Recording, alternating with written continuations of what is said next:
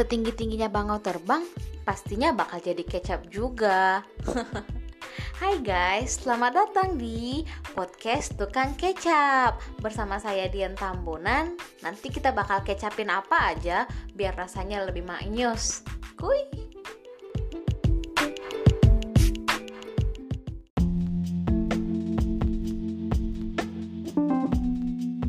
Hai guys, balik lagi bareng gue Dian di podcast Tukang Kecap.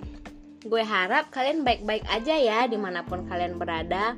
Semoga kalian dijauhkan dari segala penyakit Terutama dari si covid koronski.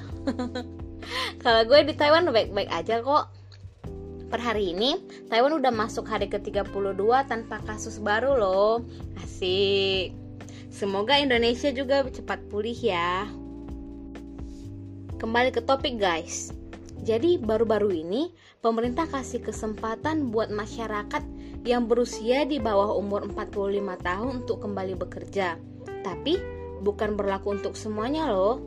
Ini hanya dikhususkan untuk orang-orang yang kerja di 11 sektor yang disetujui peraturan Menteri Kesehatan nomor 9 tahun 2020. Iya guys, ini peraturan yang dibuat sama Menteri Kesehatan yang mencakup seluruh perihal yang menyangkut pandemi COVID-19 di Indonesia.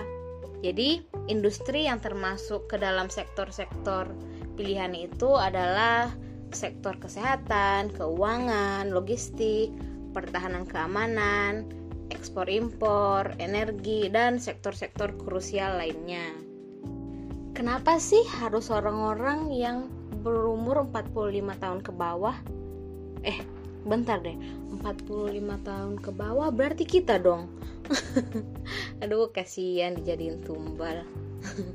gak ada yang gak, gak bercanda kok guys. Jadi, jadi menurut data yang ada, angka kematian dari korban yang terpapar virus COVID-19 di Indonesia yang untuk kategori usia 60 tahun ke atas tingkat kematiannya itu mencapai 45%. Sementara untuk usia 46 sampai 60 tahun angka kematiannya itu mencapai 40%. Makanya itu guys, pemerintah mengambil tindakan untuk e, mengirimkan orang-orang yang berusia 45 tahun ke bawah untuk kembali bekerja kayak biasa. Tindakan ini namanya herd immunity. Jadi mereka bakalan balik kerja untuk menyelamatkan gelit perekonomian yang ada di Indonesia. Karena pemerintah percaya orang-orang yang berada di rentang umur ini adalah orang-orang yang punya daya tahan tubuh paling oke untuk melawan virus corona ini. Herd immunity, gampangnya gini sih. Herd immunity ini adalah kondisi ketika banyak orang di dalam suatu komunitas memiliki imun dalam tubuh mereka untuk melawan virus. Nah, ketika banyak orang udah punya imun atau bisa dibilang kebal sama suspek virus ini, virus tertentu ini, maka si virus ini bakalan hilang dengan sendirinya dari komunitas itu. Sama kayak contohnya campak di dalam satu rumah ada anak kecil yang kena campak, tapi orang-orang di sekitarnya udah punya antibodi yang kuat. Jadi, si campak itu dengan sendirinya bakalan hilang dari area rumah itu karena orang-orang di sekitarnya kan udah kebal gitu. Jadi, nggak menular ke orang lain. Tapi bedanya campak sama corona kalau campak kan vaksinnya udah ada, tapi corona kan belum kan? Ya, itu sih yang sekarang kita tunggu apalagi kalau bukan si vaksin dari coronavirus ini. Supaya kalau misalnya nanti ada orang yang tertular eh, bisa langsung diobatin kan. Tapi guys, ada fakta menarik loh. Jadi, ahli epidemiologi dari Universitas Edinburgh, Mark Woolhouse mengatakan bahwa herd immunity bisa diciptakan secara alami tanpa vaksinasi. Iya, jadi COVID ini mungkin kalau yang dia maksud itu COVID bisa bakalan sembuh dari suatu society tanpa harus ditemukannya vaksin. Caranya gimana? Ya dengan membiarkan orang terinfeksi hingga antibodi mereka tumbuh dengan sendirinya. Hmm. permasalahannya virus COVID-19 ini ternyata punya tingkat infeksi yang cukup tinggi guys yang mungkin bisa mengakibatkan kelompok rentan tetap jadi target penularan. Terlepas dari herd immunity ini udah efektif terjadi di masyarakat. Pokoknya selama dia punya antibodi yang lemah dia bakal tetap jadi sasaran virus ini. Dia bakal tetap terintimidasi no matter what.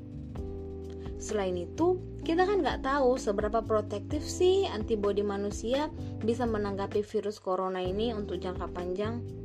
Sekuat apa virus corona bisa bertahan di dalam tubuh? Dan yang paling penting, kita nggak tahu ini bakal memakan waktu berapa lama.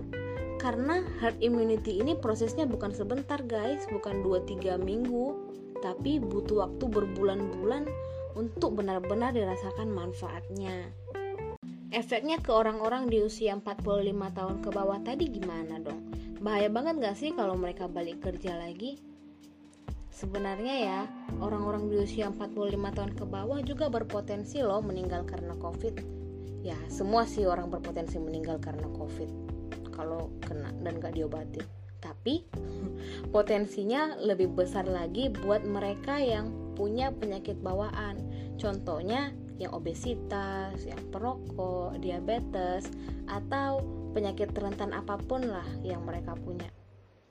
Nah, kalau untuk mereka ada kompensasi nggak sih untuk tetap work from home?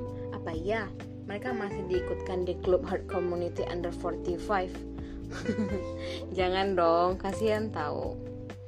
Orang-orang umur 45 ke bawah ini juga berpotensi besar loh guys buat jadi carrier karena tiap hari mereka kan bakalan ketemu banyak orang berpapasan gitu-gitu ya oke okay sih kalau misalnya mereka tinggal ngekos ya.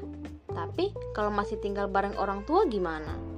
Kemungkinan kemungkinannya besar banget buat mereka buat menularkan ke orang tuanya. Belum lagi kan kalau misalnya mereka di rumahnya space-nya itu lebih kecil jadi susah dong buat mereka untuk social distancing. Ketemu lagi ketemu lagi. Sia-sia dong usaha orang tuanya buat social distancing selama ini kita bukan negara pertama sih yang memperlakukan metode herd immunity ini jadi ini udah kemarin-kemarin udah dicoba dulu di beberapa negara di Eropa kayak di Belanda, Inggris, Swedia. Nah, kalau yang di Belanda, Belanda itu perintisnya di pertengahan Maret 2020 tahun ini. Jadi sekitar 70% orang-orang muda yang ada di Belanda diperbolehkan untuk beraktivitas normal supaya yaitu untuk membentuk sistem imun di komunitas dan membuat lebih banyak orang kebal sama virus ini. Nah, belum berapa lama aturan itu berlaku, ya sekitar dua mingguan lah Eh, pemerintah Belanda langsung mencabut aturan itu karena jumlah korban di kategori usia muda bertambah pesat. Bahkan ada yang sampai dirawat di Jerman karena rumah sakit di Belanda itu udah penuh. Sampai separah itu, guys. Ya, belajar dari yang terjadi di Belanda ya. Kelompok usia muda memang jarang menunjukkan gejala COVID-19 kayak demam, batuk, atau sesak napas. Tapi kenyataannya mereka justru yang paling banyak terinfeksi loh. Parahnya lagi, mereka anak-anak muda di Belanda ini tetap ada kontak dengan kelompok rentan. Ya siapa lagi kalau bukan orang tuanya kan? Nah, kasus infeksi bukannya menurun, tapi malah makin banyak dan jadi lebih susah buat ditangani sama tenaga kesehatan di Belanda. Oh iya, Inggris juga sempat coba herd immunity, tapi sama. Angka korban yang terinfeksi langsung melejit naik. Nah, makanya peraturannya langsung dicabut lagi sama pemerintahnya. Warganya disuruh balik lagi di rumah aja dan tetap menerapkan social distancing kayak kita. Untuk kasus di Asia, di Asia Singapura yang pernah menerapkan metode ini, nggak menerapkan deh, mempertimbangkan. Memper jadi Singapura e, pernah mempertimbangkan ini tapi akhirnya mereka nggak jadi menerapkan karena ya setelah melalui banyak pertimbangan mereka bilang kalau tenaga medis dan pusat-pusat kesehatan mereka itu belum sanggup buat melayani apabila jumlah korban tiba-tiba meledak. Bayangin aja guys, Singapura tempat kita sering berobat yang memang pelayanan kesehatannya udah teruji masih ngomong gitu. Aduh, gimana ya? Serba salah sih kalau misalnya situasi yang kayak gini kayak buah si malakama. Kalau misalnya kita nggak kerja ya mau makan apa? Ekonomi dunia ini udah diambang resesi. Hampir semua negara udah mencoba bertahan dengan cara keluarin bond. Ya roda ekonomi udah nggak berputar sih karena ya semua terhentikan ibaratnya gini di dalam satu rumah gak ada yang kerja lagi gak ada yang bawa makanan pulang ya bisa sih ngutang tapi mau sampai berapa lama ya kan? Lapar, lapar. Kalau disuruh milih, kalian mau pilih apa guys? Ada dua opsi nih. Yang pertama, kalian pilih mati terhormat karena kembali kerja dan terinfeksi atau mati konyol karena kelaparan. Aduh, apa pun itu, be wise ya guys. Tetap jaga kesehatan dan jaga diri baik-baik ya. Kalau nggak perlu-perlu amat ya jangan keluar dulu. Sampai ketemu di episode selanjutnya. Kecap kecap kecap. Kecap nomor satu. Bye bye